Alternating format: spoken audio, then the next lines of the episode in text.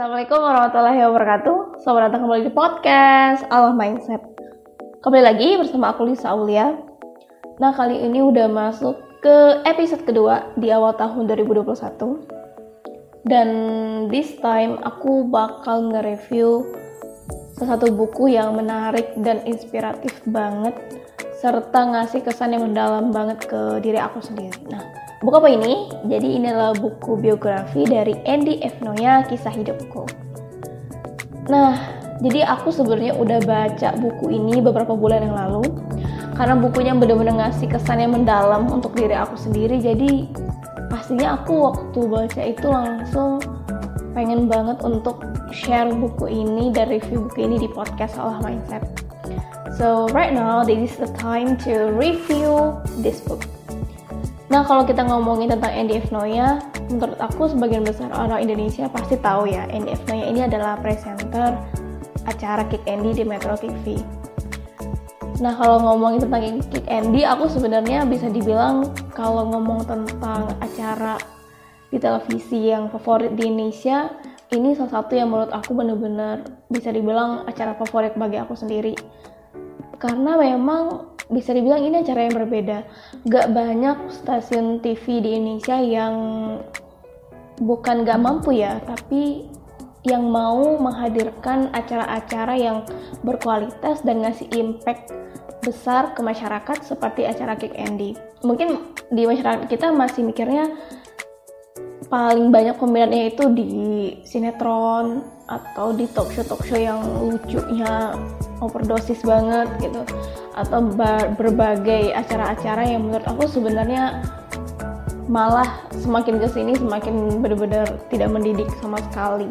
Apalagi terutama kalau misalnya kita udah ngomongin tentang anak-anak kecil, anak SD, terus anak-anak SMP yang mereka mungkin spend much of their time untuk nonton TV apalagi saat covid kayak gini. Jadi benar-benar menurutku impact dari acara-acara yang dihadirkan di televisi juga berpengaruh besar walaupun kita belum ngomong ke, ke ranah YouTube dan lain sebagainya. Nah, kalau dari acara Kick ini sendiri, menurut aku ini acara yang berkesan banget, inspiratif. Selain itu juga mampu menggerakkan penonton untuk bisa do more for society, for Indonesians dari aku sendiri waktu nonton Kick Andy itu sejak SMA waktu itu mungkin karena bukan tipikal yang suka nonton sinetron dan nggak suka juga nonton talk show kayak gitu. Jadi bisa dibilang kehabisan acara atau kehabisan sesuatu yang ditonton di TV nah pas nonton Kick Andy rasanya benar-benar berbeda banget. Dan uniknya adalah sampai sekarang bisa dibilang itu udah lewat bertahun-tahun tapi setiap kisah, pengalaman, dan juga cerita yang dihadirkan di Kick Andy itu ngasih kesan yang berbeda dan mendalam banget. Jadi bisa dibilang sampai sekarang aku masih ingat beberapa kisah dan, dan juga cerita-cerita yang dihadirkan di Kick Andy. Salah satunya waktu itu ada kisah dari anak UGM, mahasiswa UGM yang dia setiap malam minggu sama teman-temannya satu komunitas mereka jadi malam-malam itu misal sekitar jam 10 atau jam 11 malam mereka bagiin nasi bungkus ke orang-orang bisa bilang orang-orang jalanan di Jogja yang mungkin tukang becak masih nungguin penumpang atau misal pengemis dan lain sebagainya. Dan itu salah satu dari banyak kisah yang bener-bener inspiratif banget ya mendorong banget masyarakat yang nonton untuk do more for Indonesians Nah, sekarang kita ngomongin tentang bukunya. Biografi Andy F. Noya, Kisah Hidupku. Jadi, kalau bisa dibilang, kalau kita sering ngobrol atau mungkin membayangkan tentang sebuah buku biografi, mungkin most people mikir buku biografi itu membosankan, kaku, dan lain sebagainya. Dan aku pun bisa dibilang bener-bener sejauh ini, ini adalah buku biografi pertama yang aku baca dan boom ini menarik jadi buku ini berkisah pastinya tentang Andy F. Noya kisah hidup Andy F. Noya dari kecil benar-benar sampai yang sekarang Andy F. Noya sudah jadi presenter Kick Andy nah kalau dari aku sendiri sebenarnya lebih ke penasaran hal seperti apa sih yang dialami oleh seorang Andy F. Noya bisa sampai menjadi presenter Cake Andy, bisa membangun berbagai komunitas yang ngasih impact yang gak kecil ke masyarakat Indonesia dan banyak berkontribusinya untuk masyarakat Indonesia yang benar-benar butuh bantuan dan pertolongan. Dan kalau kita bisa, kalau kita misal ngomong tentang Cake Andy, jadi Nah, misal kalau kita ngomong tentang Andy F. Noya, jadi Andy F. Noya ini dilahirkan di Surabaya pada tanggal 6 November 1960. Mungkin hal unik pertama yang bakal kita jumpai dari buku ini adalah fakta bahwa Andy F. Noya itu merupakan keturunan Belanda. Jadi bisa dibilang beliau ini kan lahirnya di tahun-tahun yang baru awal kemerdekaan ya, baru 15 tahun setelah kemerdekaan. Pastinya mah sentimen-sentimen, terus juga pandangan-pandangan orang melihat keturunan Belanda itu kan bukan sesuatu yang pleasant ya, bukan sesuatu yang menyenangkan pastinya. Dan memang benar, jadi bisa dibilang NDF Noya ini bukan hanya orang-orang tahu fakta bahwa dia keturunan Belanda, tapi memang dari segi fisik memang sudah terlihat bahwa NDF Noya ini bukan keturunan Indonesia 100% kayak gitu. Jadi bisa dilihat, dilihat kulitnya jauh lebih putih, terus juga rambutnya agak pirang. Jadi orang-orang di sekitar pasti ngelihat wah ini anak kok kelihatannya berbeda secara fisik saja sudah berbeda nah memang akhirnya banyak orang-orang yang tahu kalau Andy F. Noya itu keturunan Belanda nah kalau bisa dibilang memang kalau baca buku ini banyak banget sih tempat tem nama nama tempat nama-nama kota nama-nama provinsi karena bisa dibilang kehidupan NDF-nya itu pindah-pindah banget dari kota ini kota, ke kota itu ke kota itu. Jadi emang benar-benar banyak banget melibatkan nama-nama daerah nama-nama sudut-sudut kota di di Indonesia.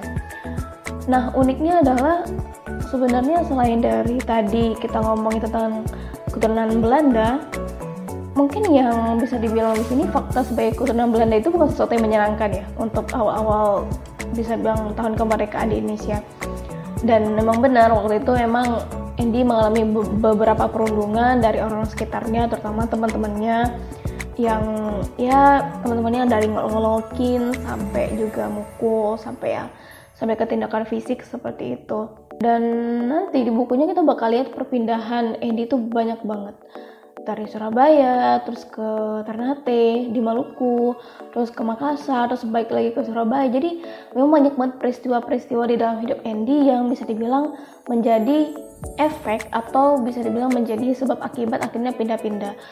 Ya waktu itu bisa dibilang gak banyak orang Indonesia yang hidupnya berkecukupan. Ya maklum ya, Indonesia baru bebas, baru merdeka dari penjajahan. Jadi emang secara ekonomi masih struggle banget, apalagi itu udah masuk ke zaman pemerintahannya Presiden Soeharto. So, ya bisa dibilang memang masyarakat Indonesia struggle banget untuk bisa hidup. Bahkan untuk makan aja susah banget.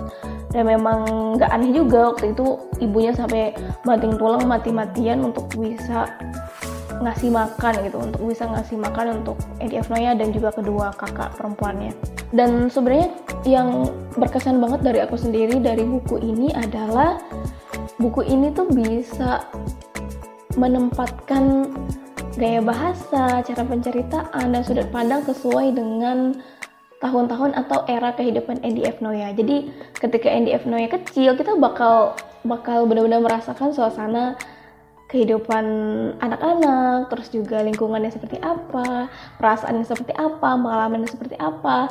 Nah, ketika.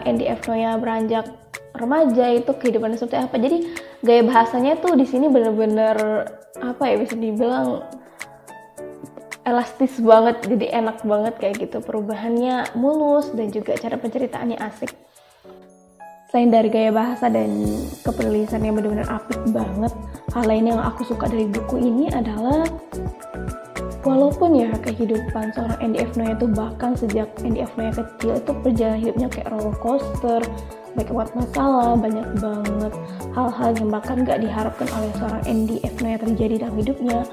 Tapi still di dalam sudut-sudut di buku ini bakal nemuin kehangatan yang entah itu diberikan dari ibunya atau kedua saudarinya atau dari orang-orang terdekatnya, dari guru, teman dan lain sebagainya. Jadi emang karena memang banyak sih, banyak banget ya bagian-bagian kayak wah betapa gila sih perjuangan seorang Andy F. Dari kecil, remaja, dewasa dengan berbagai macam pergelutan untuk tetap hidup. Tapi di situ masih ada nih bentuk-bentuk kasih sayang dan juga kepedulian dari orang sekitar yang kalau bisa dibilang kayak sekarang Andy F. Noya jadi seperti ini tuh banyak banget bantuan orang-orang luar biasa. Nah, hal lain yang aku nikmatin banget dari buku ini adalah kalau baca buku ini sebenarnya dari awal bener-bener udah berasa bahwa this book represents Andy F. Noya very much. Kenapa? Karena kalau teman-teman yang bener-bener mungkin beberapa kali ngikutin acara Kick Andy udah tahu ya gaya bercandanya uh, gaya bercanda Andy F. Kayak apa. Dan waktu baca buku ini bisa dibilang kadang aku udah-bener kayak roller coaster sih. Kadang sedih kadang ngakak ya bener-bener ngakak banget. Karena emang bercandaannya bercandaan khas Andy F. Banget. Nah lanjut ke cerita. Jadi waktu itu bisa dibilang satu tahun sebelum selesai untuk menyelesaikan SD ayahnya ini yang saat itu di Jayapura mengabarkan ke ke ibunya dan juga ke F. Noya dan kedua saudarinya yang waktu itu di Surabaya Nah ayahnya ini ngajakin mereka untuk tinggal di Jayapura. Cuma waktu itu ibunya nih masih belum percaya karena mikir udah bertahun-tahun nggak ketemu dan dan nggak tahu nih keadaan suaminya sekarang secara ekonomi terus tempat tinggal di mana dan lain sebagainya dan diputuskan waktu itu udah NDF Noya aja yang pergi ke Jayapura nah waktu di Jayapura akhirnya NDF ini melanjutkan pendidikan ke sekolah teknik. Dan setelah itu lanjut ke STM sekolah teknik mesin ya. Mungkin kalau bisa dibilang sekarang tuh setara kayak SMA dan ternyata sedih banget satu tahun kalau bisa dibilang belum belum lulus dari SM ini ayahnya meninggal waktu itu. Dan setelah itu mereka sekeluarga pindah ke Jakarta.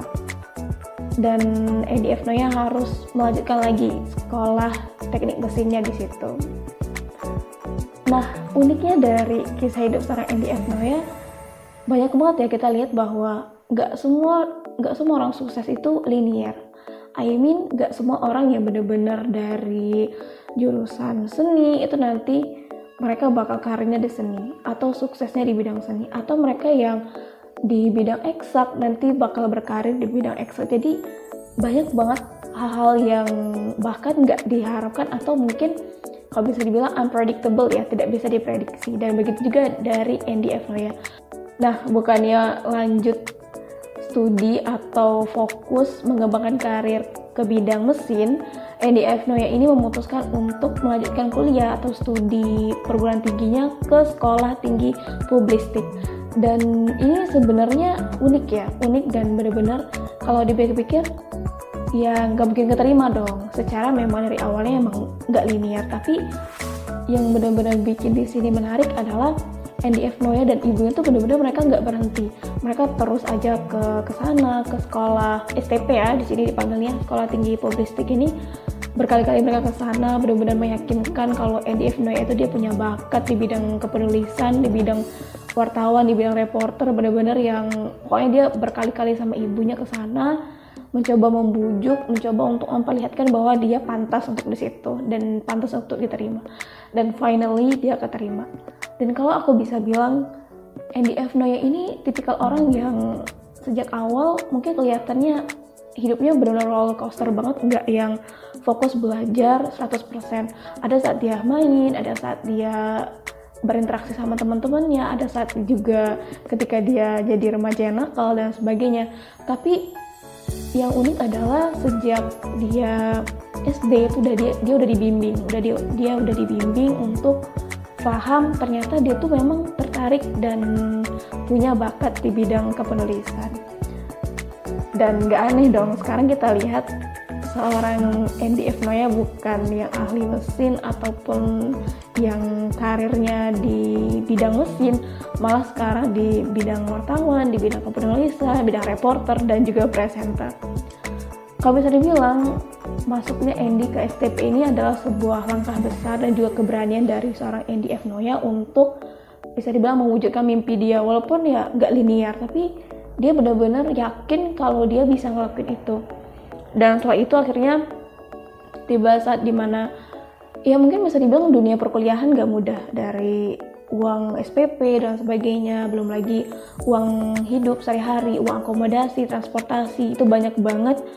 Tapi benar-benar saat baca buku ini, seorang Andy F. itu pengen menampilkan atau juga pengen pengen bilang nih ke para pembaca bahwa kalau kita benar-benar bertekad kuat, kalau kita benar-benar yakin dengan apa yang kita lakuin, udah mau susah apa pun itu walaupun ekonomi masalah ekonomi masalah kondisi apa pun pasti kita bisa ngelewatin. Dan benar sih endeavornya benar-benar di sini memperlihatkan itu secara nyata.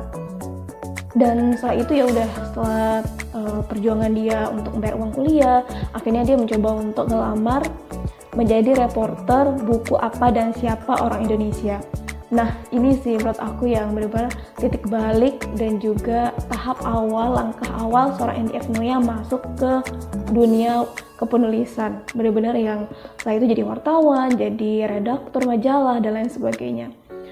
Nah, setelah itu juga di dalam buku ini bakal dijelasin juga interaksi dan awal mula perkenalan Andy dengan Surya Paloh. Mungkin kalau bagi aku sendiri, aku nggak terlalu akrab dengan Surya Paloh. I mean, nggak terlalu akrab dengan dengan berita-berita tentang beliau atau mencari tentang kehidupan beliau selama ini ataupun kehidupan, kehidupan politiknya yang lebih sering ditampakkan di televisi. Tapi di sini mungkin bisa dibilang menampilkan Surya Paloh yang berbeda. Dan dari benar-benar benar-benar proses seorang Andy F. ya dari reporter yang benar-benar reporter biasa banget yang baru mulai banget itu ditampilkan secara benar-benar tegas dan mendetail sampai Andy F. itu jadi wakil pimpinan redaksi seputar Indonesia setelah itu juga jadi wakil pimpinan untuk media Indonesia memimpin Metro TV dan akhirnya membangun sendiri membangun sendiri Kick Andy acara acara khusus yang dibuat oleh Andy F. Yang benar-benar terasa sangat menarik dari seorang Andy F. Noya adalah ketika proses dia menjadi seorang reporter, wartawan, dan sampai jadi redaktur, jadi wakil pimpinan redaksi dan dan berbagai jabatan tinggi lainnya. Uniknya adalah dan menariknya Andy F. Noya ini benar-benar tipikal orang yang berpegang teguh sama prinsip. Dan dari awal Andy F. Noya itu udah punya prinsip kalau jadi wartawan, jadi redaktur, jadi apa pun itu pekerjaan yang nggak boleh nerima amplop dari yang diwawancarai atau dari narasumber entah itu amplopnya berisi uang atau misal hadiah atau misal mungkin bingkisan nggak boleh sama sekali dan kalau bisa dibilang prinsip inilah yang sebenarnya mungkin tampak sepele tapi banyak kalau bisa dibilang sekarang makin banyak ya makin banyak yang kasus-kasus seperti ini terjadi dan kadang dibiarkan aja nih sama orang-orang tapi nggak bagi NDF Noya dan ini sih menjadi menurut aku sebuah poin dan juga sebuah hal yang menarik banget dari seorang Andy F. Noya dan terbukti selama dia memimpin dan menjadi redaktur juga dia memecat banyak orang bahkan sampai teman dekatnya juga dipecat karena tadi ada kecurigaan terus juga ada bukti beberapa orang yang dipecat itu menerima amplop ataupun bingkisan ataupun melakukan hal-hal yang tidak tidak benar-benar melakukan hal yang tidak tidak transparan, tidak terlihat secara nyata kinerjanya dan lain sebagainya. Jadi memang benar-benar tipikal orang yang tegas, bertanggung jawab dan berpendirian teguh banget. Selain dari itu, di akhir buku ini nanti bakal dijelaskan bahwa bagaimana proses orang Andy F. Noya bisa membentuk acara seperti Kick Andy, bisa bisa dibilang orang yang memulai sebuah gerakan untuk menyadarkan orang Indonesia, terutama kaum kaum muda untuk bisa melihat masalah Indonesia itu secara lebih terbuka dan benar-benar berkontribusi dan melakukan sesuatu untuk hal tersebut. Selain dari itu, satu hal yang benar-benar terkesan, yang benar-benar berkesan banget bagi aku sendiri adalah Andy Frey bilang dalam bukunya, tidak perlu menunggu untuk bisa menjadi cahaya bagi orang-orang di, di sekelilingmu.